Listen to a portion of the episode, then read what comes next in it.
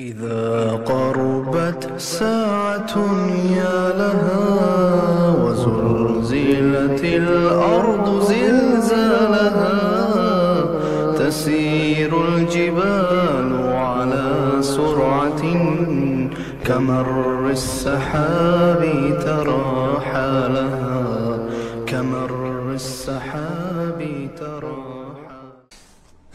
Elhamdulillahi Rabbil Alamin Wassalatu wassalamu ala ašrafil anbijai wal mursalin Nebina Muhammedin wa ala alihi wa sahbihi ajma'in Rabbi šahli sadri wa jesir li emri wa ahlu l'uqda tamil lisani jefqahu qavli Doista svaka zahvala pripada uzvišnjom Allahu tebareku wa ta'ala Salavat miri selam na Allahu poslanika Allahu gminenika Muhammeda alihi salatu wassalam njegovu častnu porodcu Uzorite ashave i sve ljude koji slijede put istinu sudnjega dana Braćo moja draga, četvrtak, naš ustaljeni termin u kojem se družimo u projektu Čitaone sa različitim knjigama. Hvala Allahu Đelšanu, pročitali smo ovdje sigurno desetak i više nekih korisnih lijepih knjiga. Trenutno čitamo serijal knjiga od Alija Salabija, pročitali smo knjigu Vjerovanje u sudnji dan. Čitamo Vjerovanje u Meleka, nadamo se ako Bog da bi uskoro mogla izaći štampi knjiga vjerovanje u Allaha te barak ve ta'ala.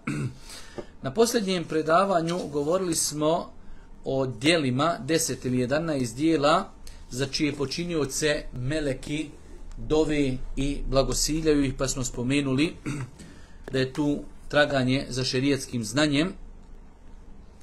Generalno pravilo, nismo prošli put to spomenuli, e, kada u kuransko-hadijskim tekstovima se spominje e, nagrada za sticanje znanja, prvenstveno se misli na sticanje šerijetskog znanja.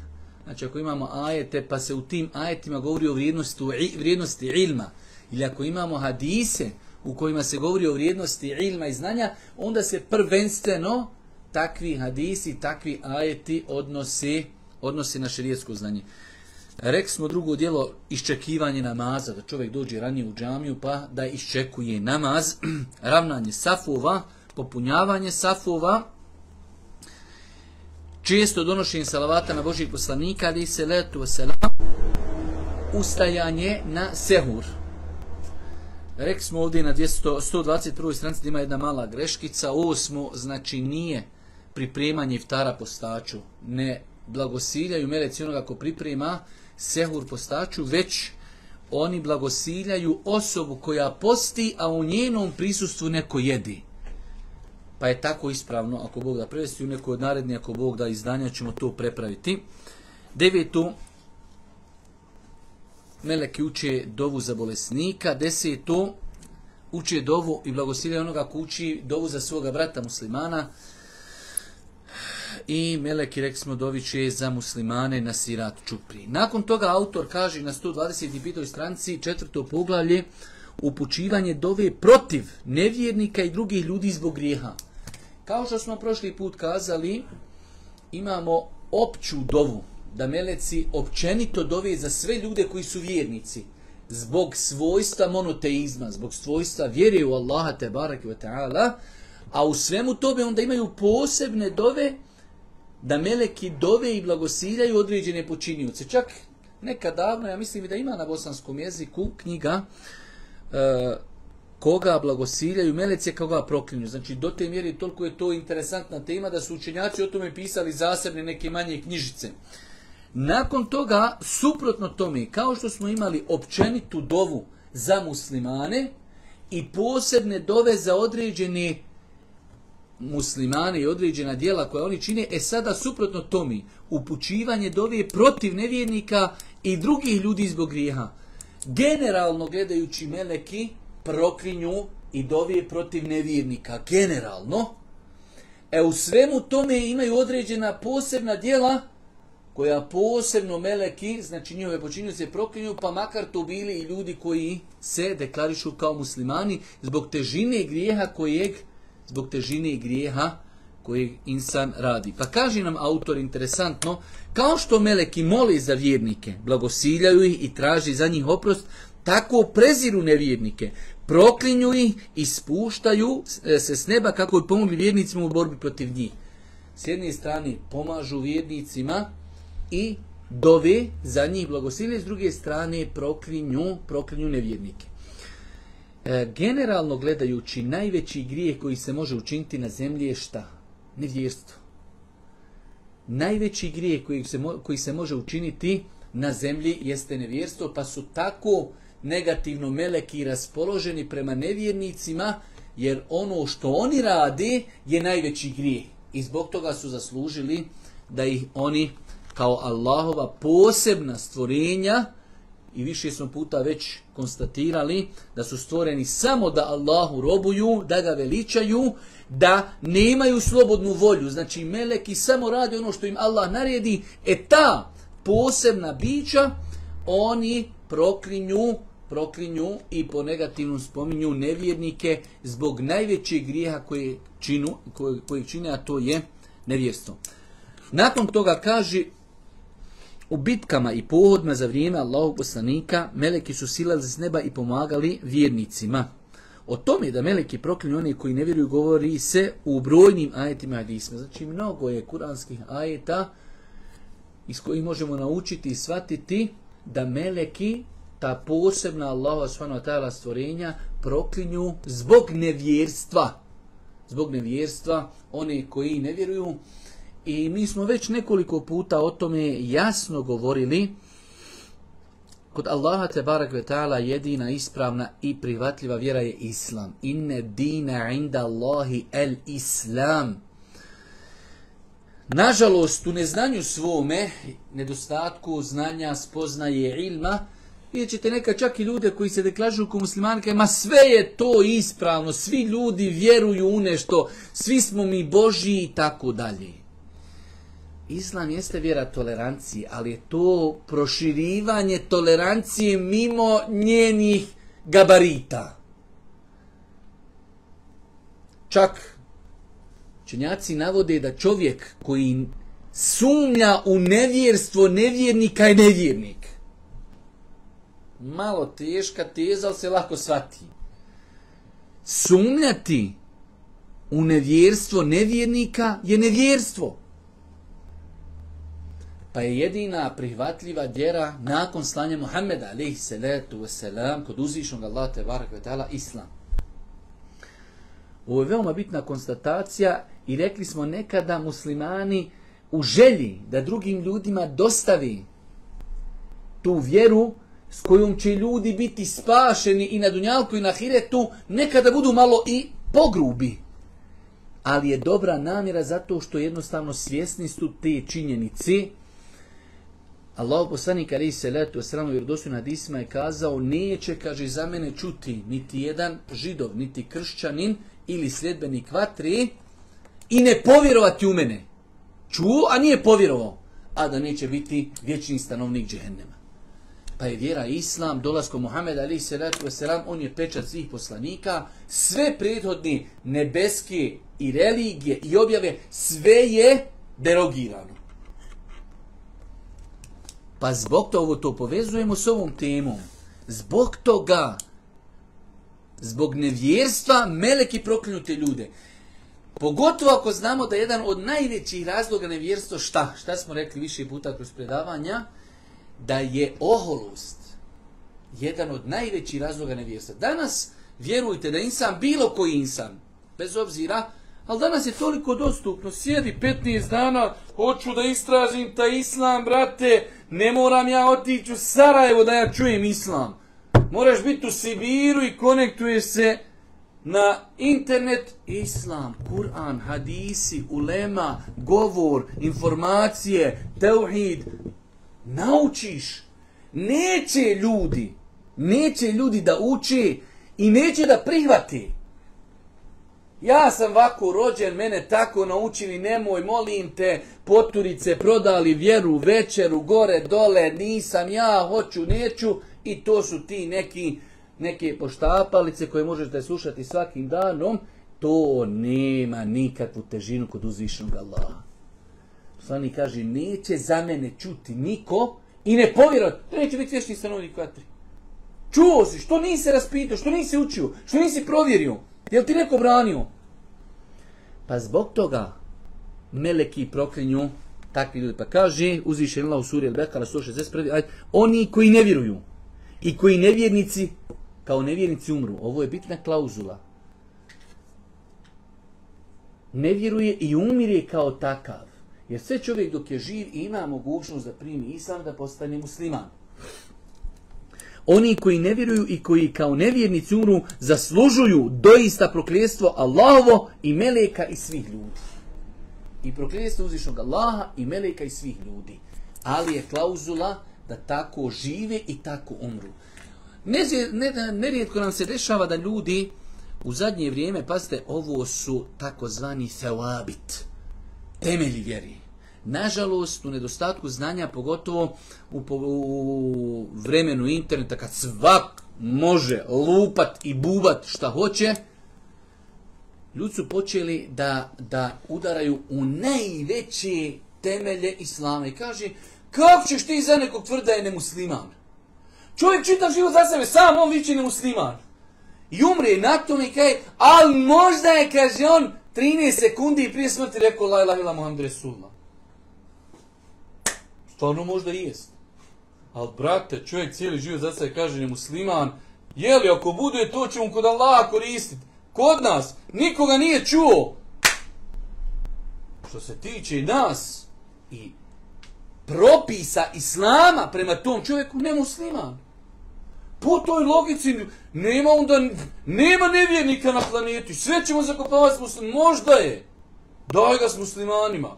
Mislim, vjerojatno bilo neko ko bi se obradao o tome, to bilo više dženaza, više mevljuda, više jasina, bilo bi to, to uduplalo bi to, bilo bi to, unosno bi to bilo, ipak. Ja bi njega ugurao nekako, daj ugure ga, mora nikako vamo s nama, i to je to. Ali ljudi ne može. Insan koji se deklariše sam, se deklariše kao nemusliman, i na to me umiri. I mi sad kao, da li je on nemusliman ili nije? Pa zato Allah Žešan ovdje kaže oni koji ne vjeruju i koji kao nevjernici umru. Umrli na tome. Savršena stvar. Zaslužuju doista prokljestvo Allahu i Meleka i svih ljudi. To spomenuo nam je ovdje autor još nekih ajeta, kaj prokljestvo Melijeka prati takve ljudi do sudnjeg dana, baš kao što gospodar svjetova kaže, ima li nepravednije od onoga koju Allahu iznosi laži? najveća je laž slagati na uzvišenog Allaha subhanahu wa ta'ala. Oni će pred gospodara svog biti dovedeni, a svjedoci će reći. Ovi su izmišljali laži o gospodaru svome. Da kažeš da Allah ima dijete. To je najveća laž koju možeš slagati. Čuo šta god vam da slažiš, to se ne može nikako poreti, ako šta god da slažiš je neispravno. Ali slagati na Allaha, slagati na vjeru, I zato ćete vidjeti danas kad budemo govorili, jedno od dijela koje proklinju Meleki je šta? Uvođenje notarija u vjeru. Baš zbog toga. Jer tada lažiš na Boga, lažiš na poslanika, lažiš, lažiš na din. Ljudi, ovo, je, ovo ovako treba, ovo je seva. Tada si rekao vjera nije potpuna, a Allah kaže vjera je potpuna. Pa je najveća laž slagati na Allaha. Da je Allah jedan od troje. Da Allah ima sina. Pa kaže, on ima li nepravednije kod on, od onog koji o Allahu izmišlja laži?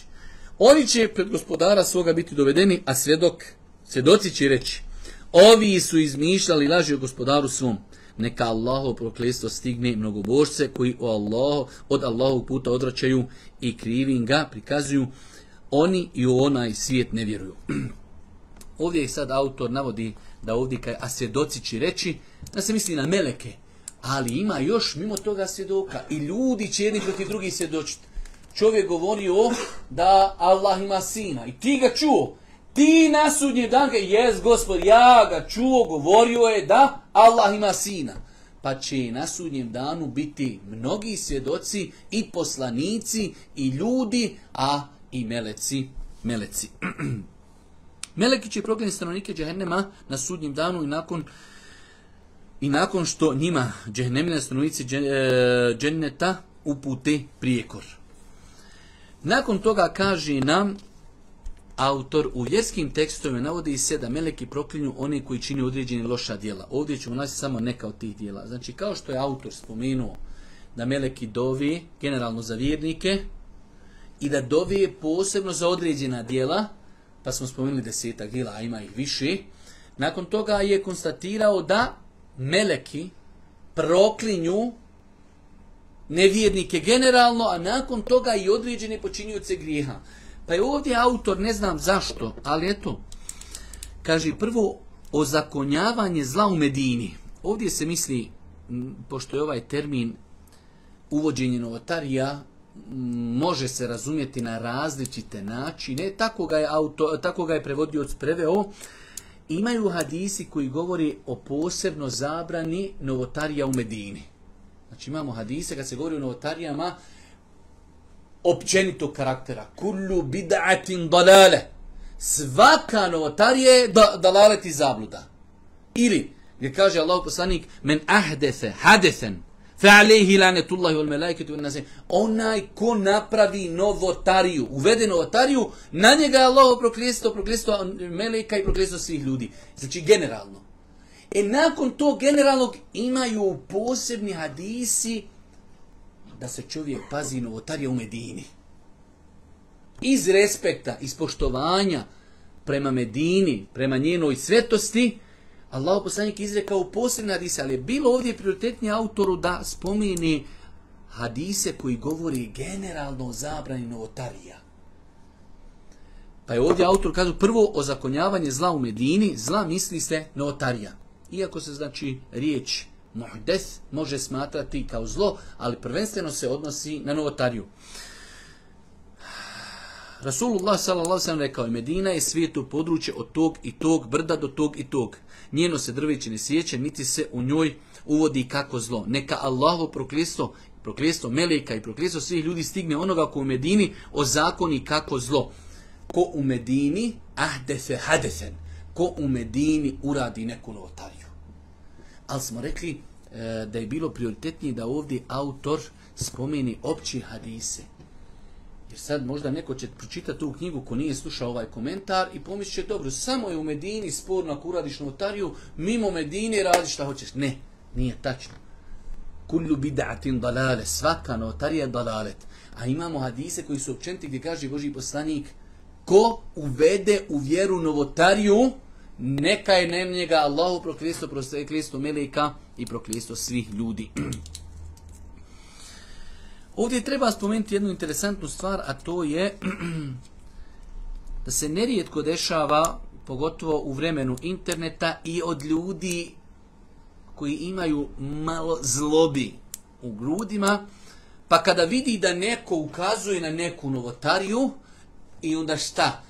Nemaju ljudi snage da kažu pa dobro, evo, grijeh je, ali pusti me. Ne, ne, ne. Daj da ja prebacim lopticu. A, ka, a što vi vozite auta? Što vi kaj ne vozite deve? Što koristite mobitel? U nedostatku jačini argumenata, u nedostatku spremnosti da se prihvati greška, daj nešto. I onda to, pa to imate sad, ubos jedno možda 60% ljudi koji to tako ponavljaju. E, novotarija je haju sedmina, četiresnica, to je nešto što je ono baš mu tefeku na lihi, svi to kažu. A pogledaj njih, gledaj, brate moj dragi, i oni auto vozi. I oni mobitele koristi, što vi deve ne jašljete. Nije za vrijeme Božeg poslanika bilo mobitela ali to lik iz uvjerenja, zato što je to njemu rekao neko ko je za njega malo autoritet. I ovaj to progu to, brate, ponavlja ko papagaj. Pa su novotarije o kojima govori poslaniji da su zabrane novotarije u vjeri. Allah Žešan kaže, inne din, e, el jeume kmeltu lekum dinekum, danas sam vam vjeru upotpunio. To kad imaš čašu, punu vodi. Puna. Kap vode šta znači? mora kafu da izići. To je, ako je čaša šta puna. Allah Đeršanu za vjeru kaže, el jeume kmeltu lekom, vjeru sam vam upotpunio, savršen. Ti koliko god dodaš novotarija, mora sa strane toliko izaći originalnog islama. Ali se znači misli na novotarije u dinu e, hoćemo mi neki novi namaz, neke želje, neke ragajbe, neke gajbe, ne znam nija šta, već sve u svemu ima tu.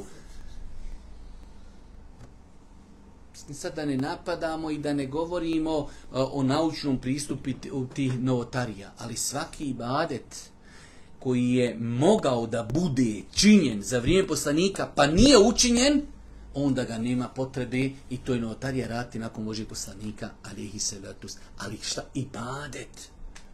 Nikad nikod učenjaka, i to čak oni učenjaka koji su, da kažemo, naj, naj, naj dosljedniji u sljeđenju su, nikad niko nije rekao da su tehnološka dostignuća u vjeri zabranjena.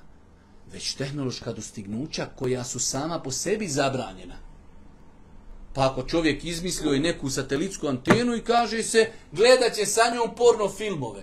Nije problem u satelitskoj antenu, problem je kako to koristiš. Tako i mobitel. U mobitelju osnovi halal, ali ima možda 500 miliona ljudi na planetu koji imaju korištenje mobitela haram. I to dobar haram, podebel ono haram, pravo dobar haram ne klanjaš, gledaš pornografiju, dopisuješ se s tuđim ženama, gledaš slike, muziku i sve to, de, to ti je haramčina, ona, ali, ono, baš dobar haramčina.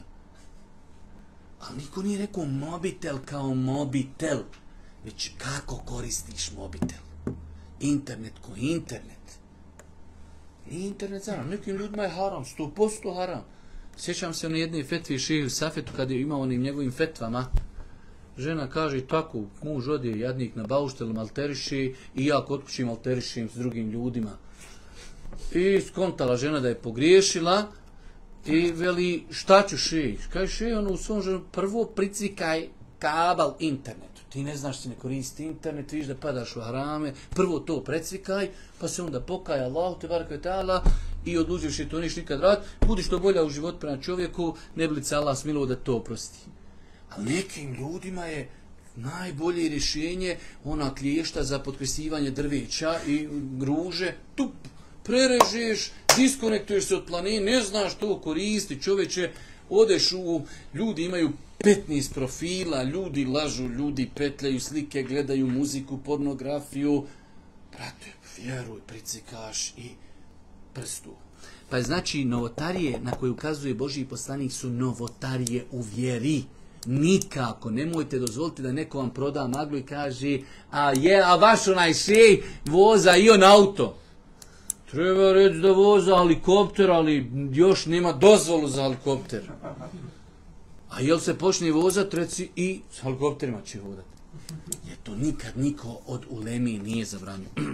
Drugo vrijeđanje poslanikov je shaba. Nedavno sam imao dole eh, promociju knjige o, o Ali radi Allotranu u Maglaju, pa smo malo detaljnije o tome govorili e, i treba o tome govoriti, nažalost, kao što smo se mi rodili u podnevlju gdje ljudi i badet čini volići ashabe što i treba, imate neki drugi podnevlja na zemlji gdje ljudi psujući ashabe robuju Allahu. Mi rubujemo Allahu volića sahabe. Jer tako treba da bude. To je, to je akida ehli sunneta i najbolji se vrat na tahavijsku akidu od imama e, tahavije gdje kaže volimo ashabe sve bez premca i ne spominjujemo i po zlu i tako dalje. E sad, Mi smo odrasli u podneblju gdje se alhamdulillah ljudima nadjevaju imena Omer i Osman i Alija i Bekir, Ebu Bekir, Bekir, kod nas su ga skratili u Ebu, ne znamo, daj ubaci Bekir. I kod nas je puno Fatima i kod nas je puno Aisha i kod nas je puno e, znači imena Sahaba. Ali imate podneblja gdje nije tako. Gdje ljudi tetoviraju na nogama imena Sahaba i tako da mogu non stop gaziti takva imena da ne reknemo da su to imena Ebu Bekra i Omera, naj, najvećih velikana ovog ummeta. Hajde, eto, oni žive svoje, mi živimo svoje, ali ne, oni dolaze kod nas, pa kod nas šire to svoje. E, to je problem. I danas vi imate, vjerujte, na internetu bošnjaka koji su se dobro zadimili i nadimili šiitskom ideologijom. A šiitska ideologija definitivno, dok vidiš čovjek kad kaže, a Ebu Hureyre, odma ips. Nema Ebu Hureyre, Ebu Hureyre, najveći prenosioc hadisa. Poslanik Ali Seratu Eseram kaže, nemojte psovati moja sahabi. Kad se spomenu moja sahabi, tišina. Možeš sahabe samo spomnjati po dobru. Pa zbog njihovog učešća i uloge koji su imali u dostavljanju vjere, pogledajte šta kaže Allah poslanika Alisa, neka je Allahu proklestvo, proklestvo Meleka i proklestvo svih ljudi, neka stigne onoga ko vrijeđa moja sahabe. Zato ćete vidjeti bez pretjerivanja. Taj narod koji odrasta u takvim ambijentu, su ljudi crni, vjerujte. Če znači, vidiš čovjeka, on je sav se izopačio. Allah, pogledaš sam njegovo lice. I ljudi godinama ljudi godinama proklinju ashabe. Allah još na dunjalku iskuša, pogledaš ga, stavi ga u deset drugih ljudi koji to nisu radili, njega pogodiš, znači, sa 100 metara. Bez, znači, slaba ti dioptrika, ona mi se nešto crni, brate, među njima, ko vrana, on se nešto vam dijeli, ovaj mi crneki, namrgođen. Namrgođen, čita život, smatra da i bade psovate Bubekra i Omera, i Aishu. I crni na dunjalku kako niješ biti crn, kaže, neka je na njiha Allahovo prokljestvo i prokljestvo Melika i prokljestvo svih ljudi. I s tim se živiš tako 30 godina, nosiš kantuju pola, puna ona prokljestava. I tako ideš. Pa ina da budeš crn, kakvi oni naši ođača su čiže u, u, ovi dimnjake, njega poslije pred tebe, on sjaji sko dijamant pored tebe. Če nije će kad psuješ najveće zvijezde umeta jedno od prava ashaba kod nas jeste da širimo ispravnu akidu ehli sunneta prema ashabima. Da djecu podučavamo pravima ashaba. Da svojoj djeci nadijevamo imena ashaba. Najveća je počast da nadiješ svojoj djeci imena ashaba. Da svojim djevojcama nadiješ imena ashabiki. Treći, uperivanje oružja u muslimane iako je došlo direktnije, znači nekog željeza, da ne bude još, još širi pojam. Haj kad upiriš u čovjeka pištolj, moglo bi se shvatiti da je to ono ne treba. Ne, ne, bilo kakav željez da upiriš u muslimana, opasno. Koliko je islam savršen, potpun i preventivno, preventivno zabor, za, zabranju određenje stvari. Kaže se, u hadisu se kaže, ko prema svome bratu okrini željeznu šipku, meleki ga proklinju dok je ne spusti. Makar mu to bio rođeni brat. Ako uzmeš nožinu prema bratu, ma brat ono, e, džez brat, malo zeza. Pa znaš, ja ću bratu svom naudit, ono, hajde, ako možda neko drugo. Rođeni brat, upiriš prema njemu nož, melek te proklinju dok ne spustiš nož. Ispred ostružnosti čuvanja ljudskog života oni koji su bili u ratu znaju koliko je ljudi poginulo od neispravnog korištenja oružja. Čovjek se vježba onako gleda kaj, da vi ili kaj pravo, puf, i čovjeka u čelo.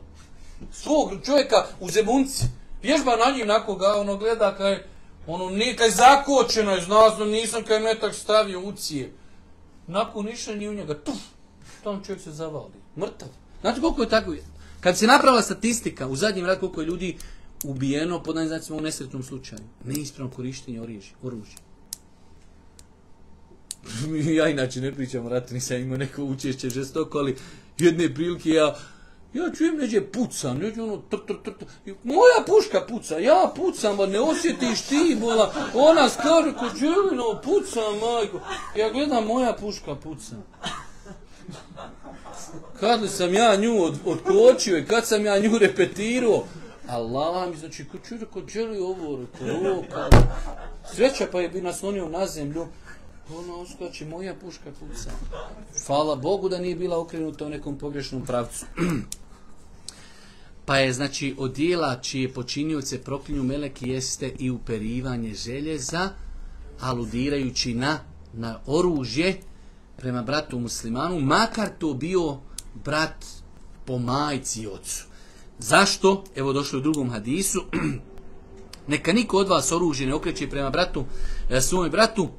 Šta zna? Možda će šetan ispaliti ili ubosti njegovom rukom, pa će čovjek upasti u džehennemsku jamu. Čak je došlo, kaže, znate kako je prija je bilo, ono, ljudi imali su na malo veća koplja, imali su koplja za, za, za luk i strijelo, ali bi su na vet, velika ratna koplja.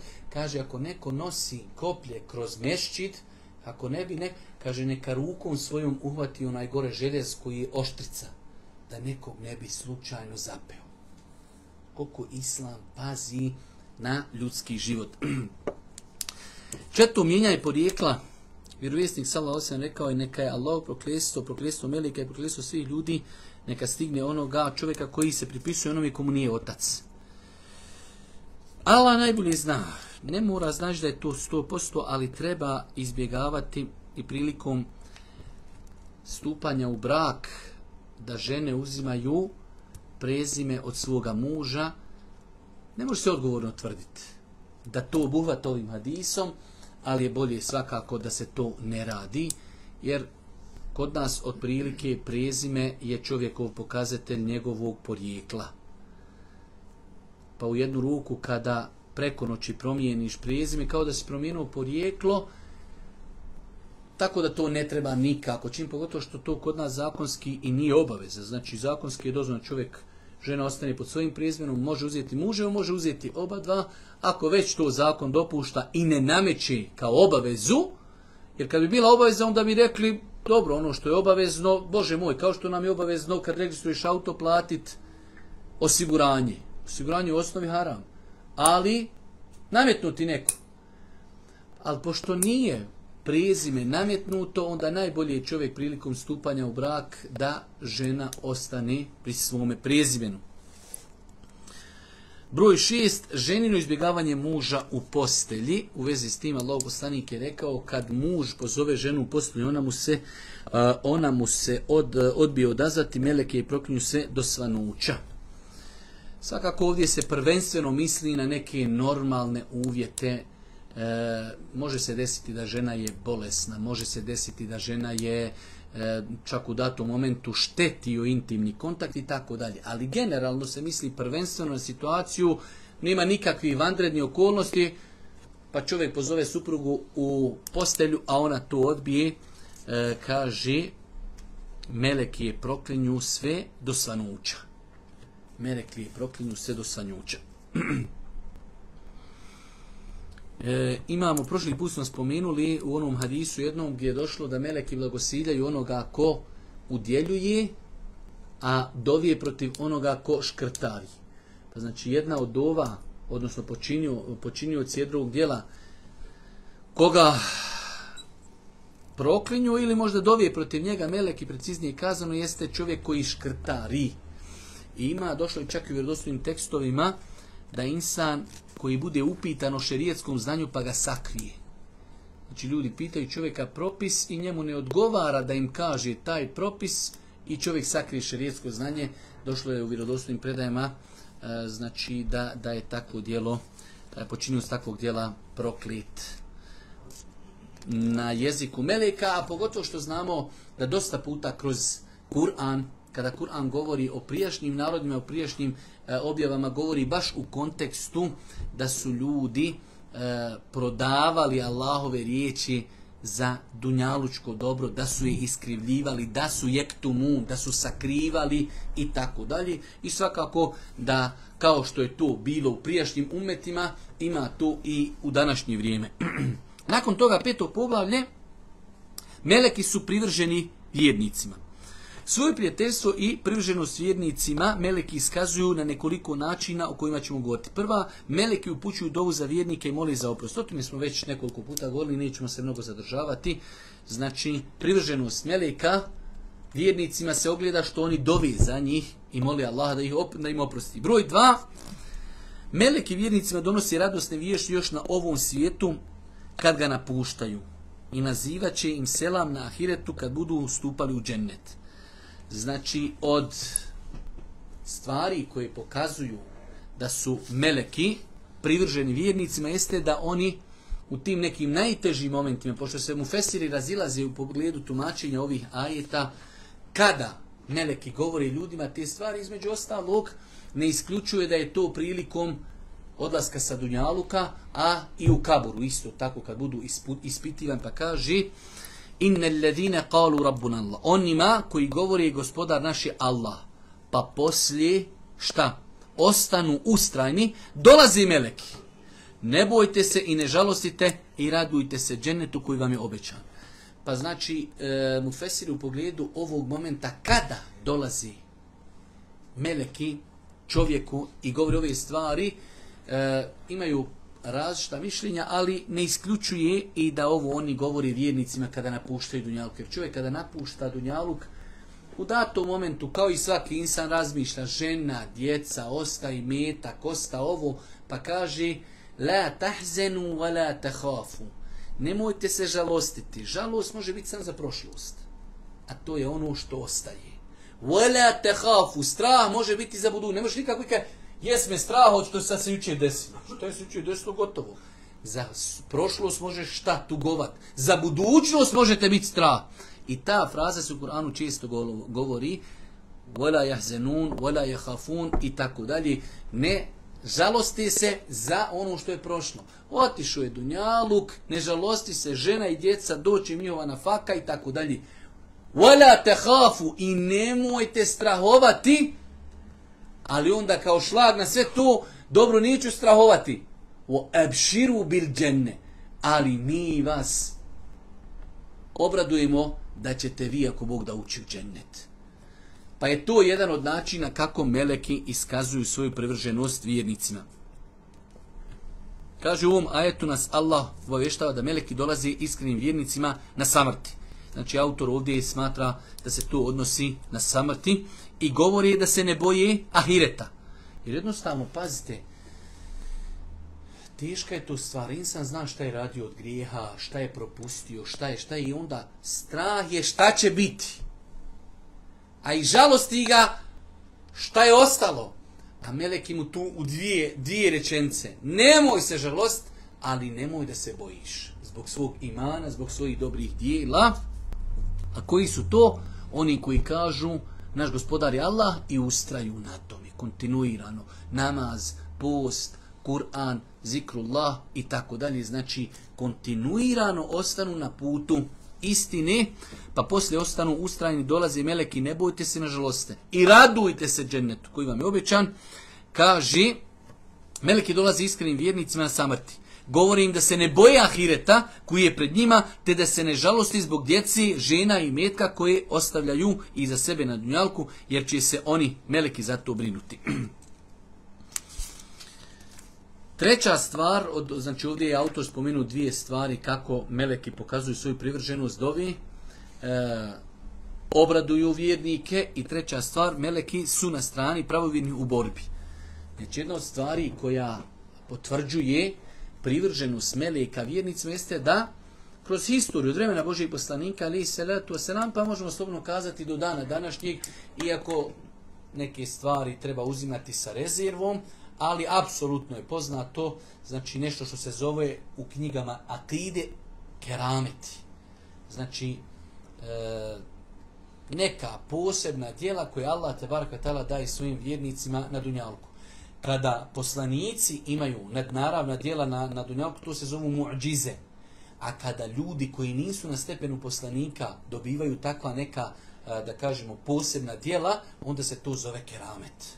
Počast od uzvišnog Allah, tala, i kroz historiju od vremena Božih poslanika, što je potvrđeno hadisima, pa do dana današnjeg znači mnogo je mnogo je događaja e, iz kojih jasno se vidi da su meleki pomagali ljudima u borbi protiv e, njihovih neprijatelja poznati su oni hadisi vi znate kakva je bila situacija vojna kada je došlo do bitke na Bedru da je s jedne strane bilo 300 i kusu znači muslimana koji nisu osnovi bili pripremljeni za rat a s druge strane je bilo hiljadu kurešija koji su bili pripremljeni za rat. Znači prva stvar, tri puta brojnija vojska, brojčano. A s druge strane, ovi uopšte nisu krenuli rat da bi se opremili za rat, a ovi sve što su imali od vojne pripreme ponijeli sa sobom. Ali je znači Allah subhanahu wa ta'ala, kao što tu mi govori Kur'an, kao što tu mi govori mnogi hadisi, uh, u kojima asabi spominju slučajeve gdje su vidjeli da čovjek goni nekog čovjeka i kaže neko ispred mene ga obori i ubije i, i e, znači u nakazi i tako dalje gdje mi Boži poslanik Ali Selatu Sram govorio da su to meleki koje je Allah Tevarka Tala poslao da vjernicima pomognu u borbi protiv njihovih neprijatelja. Nakon toga šesto poglavlje, meleki se odriču velikih griješnika i mrze kolovođe nevjerstva. Ovo je nešto hajde da kažemo, slično ovome što smo malo prije spomenuli, ali evo, interesantno je spomenuti onaj događaj zbog Ibreta. Zbog Ibreta, mi smo to kroz nekoliko naših predavanja ispominjali, mi znamo, evo, kroz čak i ovu knjigu, a dodatno ćemo još o tome govoriti, e, posebnost Džibrila, ali i se letu se nam kod Allaha te barkate, da je to najodabrani, da je to najodabrani melek. Ali u sve to, kada imamo s druge strane najvećeg najvećeg tiranina faraona, taj, taj plemeniti Džibril, on je, kaže, blato guro u usta faraonu da ne bi rekao la ilah illa, da se ne daj, Bože, ne bi spasio zbog grijeha koji je činio. Pa ovdje nam navodi autor, kaže, Kur'ani, El Karim i poslanikove disi često se navodi u njima se navodi to da su meleki odriču onih, onih ljudi koji čine velike grijehe. U prvom redu odriču se nevjernika mnogobožaca. Jer su nevjernici i mnogobožci e, najveći, jer je nevjerstvo i mnogobožstvo najveći grijeh. Vraćamo se na našu konstataciju, nevjerstvo i mnogobožstvo je najveći grijeh. Mnogo veći od bluda, mnogo veći od alkohola, mnogo veći od kamate i tako dalje. Nikako ne znači umanjivanje e, opasnosti i grijeha, ali u poređenju sa nevjerstvom, apsolutno Da. Pa kaže, primjer za to jest faraon, prokleo ga Allah. Pošto se osmjelio i drznuo da se uzoholi u te mjeri i proglasi sebe božanstvom onim koga treba obožavati, rekavši, ja sam gospodar vaš navi, ene rabbukum e'la. On je za sebe kaže, ja sam, ne da kaže, ja sam vaš gospodar, ne, ja sam vaš najveći gospodar.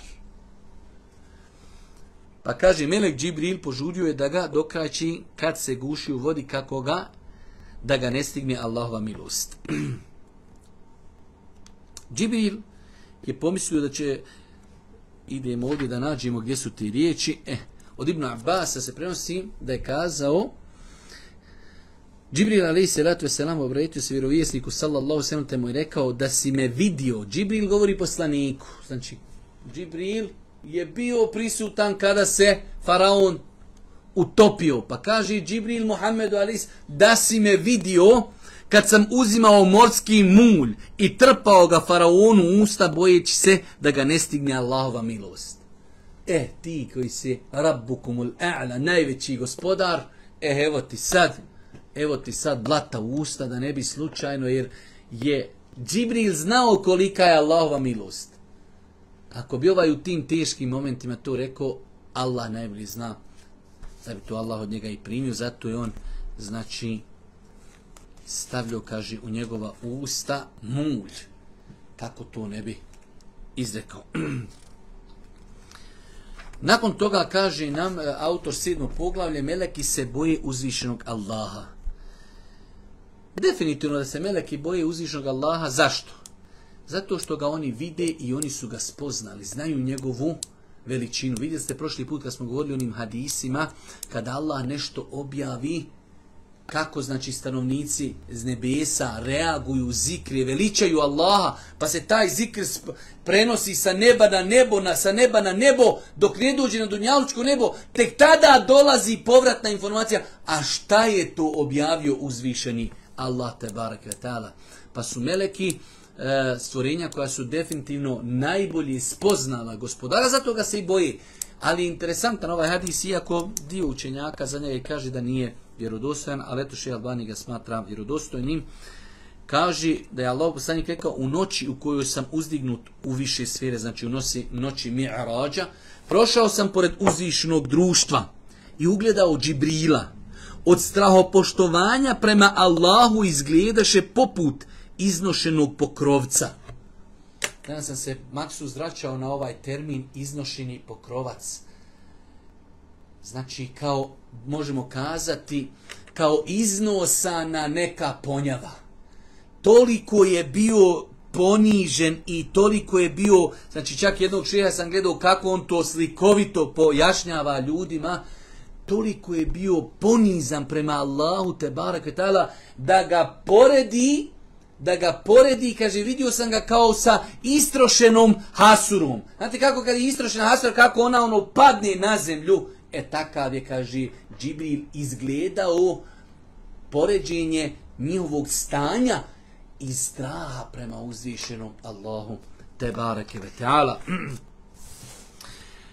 E, nakon toga kaže autor osmo poglavlje Meleki prisustvuju halikama, halkama zikra i hutbama. Allah poslanik rekao je, ima melika koji ulaze puteve tražeći one koji Allahu zikr čini. Idu putevima i traži skupine gdje ljudi veličaju Allaha te barakve teala. Pa kada pronađu skupinu koja spominje uzvišnog Allaha, oni jedni druge pozovu govoreći brzo dođite evo onog za čim ste tragali.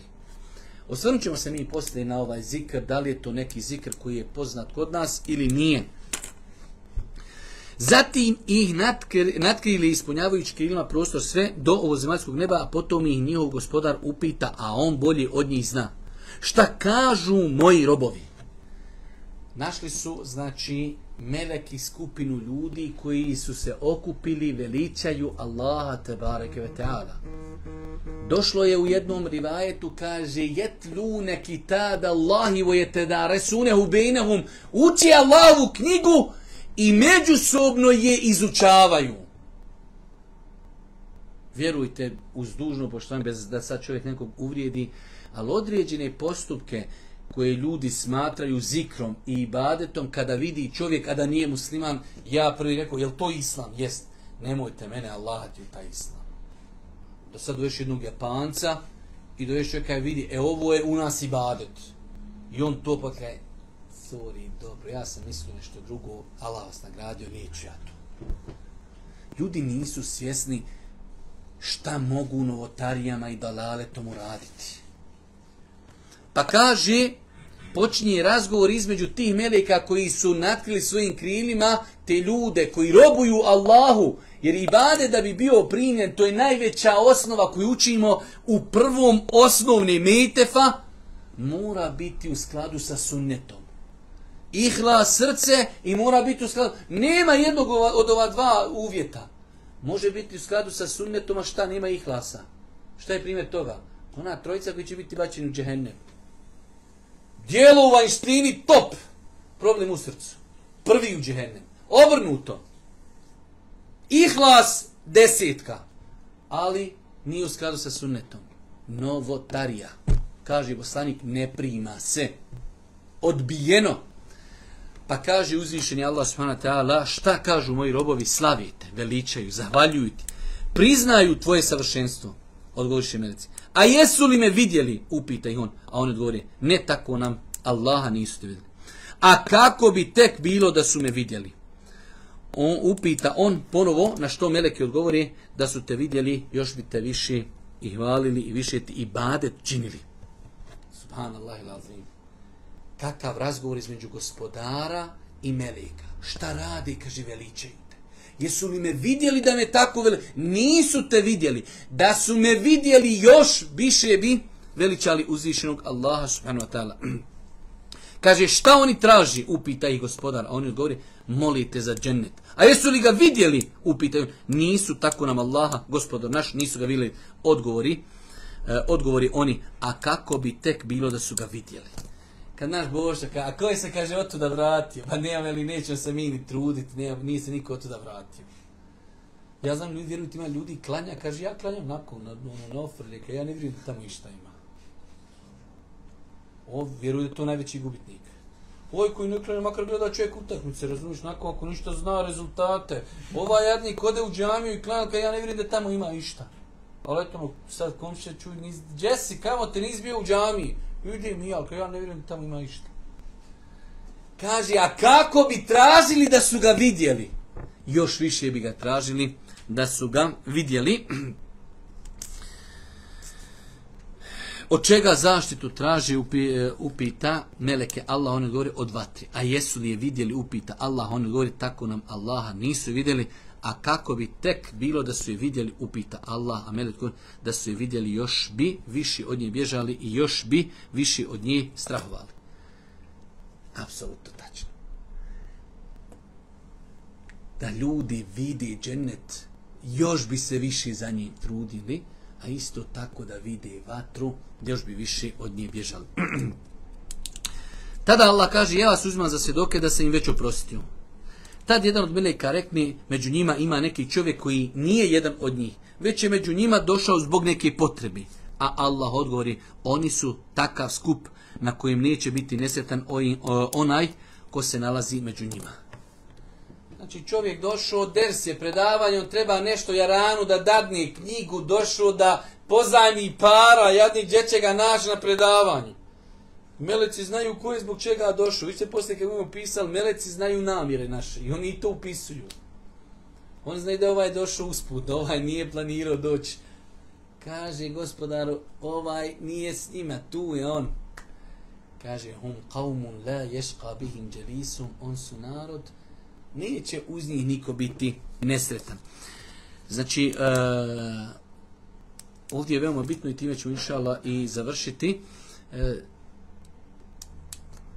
ovaj hadis autor spominje da meleki jedna od da kažemo dijela ili ibadeta ili ili ili zaduženja koji radi meleki jeste i to da traže po zemlji ljude koji robuju Allahu te bareke taala i tako tako se ponašaju da i netkriju svojim krilima pa razgovaraju sa gospodarom i tako dalje.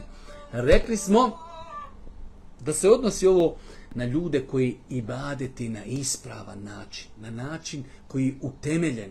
I zikrullah jeste jedan od najboljih ibadita, nažalost i tekako zapostavljen, za njega su uvećane najveće nagrade, najjednostavniji ibadet, ali i on ima pravila.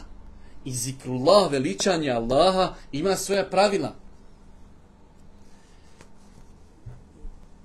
možda nekad insan dok je bio mlađi, možda je to pojašnjavao na neki drugi način, što je sad pitanje da li je to trebalo ili nije, ali kad čovjek dođe i ponavlja samo ličnu zamjenicu. On, on, on, on, on, on. Ima ljudi to. Ne možeš ti sada dođeš čovjek kažeš on, on, on, on, on. Čovjek gleda u te kaže, a ja danas sam rekao tri hiljede puta on, on, on, on. Čovjek gleda u te, on. A kad kažiš Subhanallah. To je rečenca, to je potpuno. Neka je veličanstven uzvišeni Allah. Ali ti, Bade, činiš gošić on. On, on, on, on, on, on, i ta. I onda, otoli, ali vidite kako šetan ljude zavede. Daj mi jedan apokrifan dokaz da Da je tako postanik zi. A toliko vam hadisa, govorite subhanallah, govorite alhamdulillah, govorite la havle wa la kuvvete illa bil, govorite estagfirullah, govorite ovo, govorite ono, govorite Jasno ko dan, poslanik bi toliko puta govorio, poslanik bi tako govorio. Daj nam nešto što nije radio ni poslanik ali i sela. Jesmo mi i čudni, ja, rapće, vjerujem, ja, ja jedino, svašta bi mogu osim da budem u školu, da narodu moraš nešto tumačiti jesmo mi težak narod, jadan ti. Brate, za toliki jadi, ko kaže la havle vola kote ila bila, subhanallah ila bihamdi, subhanallah ila azim, dvije riječi lahke na jeziku, teške na vagi, drage milostivom, toliko hadisa, subhanallah, elhamdulillah, la havle vola kote ila bila, sve zikroj potvrđeni. A, a, jok, hoćemo mi da mi imamo, ne, bosanski, hoćemo mi po svom. La havle vola kote ila bila. Pa zikr kao ibadet, ima pravila. Mora biti onako kako je to radio Boži poslanik, alihi salatu veselam. Allah subhanahu ta'ala molim da nas učite na putu istine. Ja sam bio pripremio još mnogo ti nekih stvari, ali eto, onaj, ovdje ćemo se inšala završiti, eh, zaustaviti subhanahu ta'ala, bihamdike, šedan la ilan stafiruke, u etubu, ilik.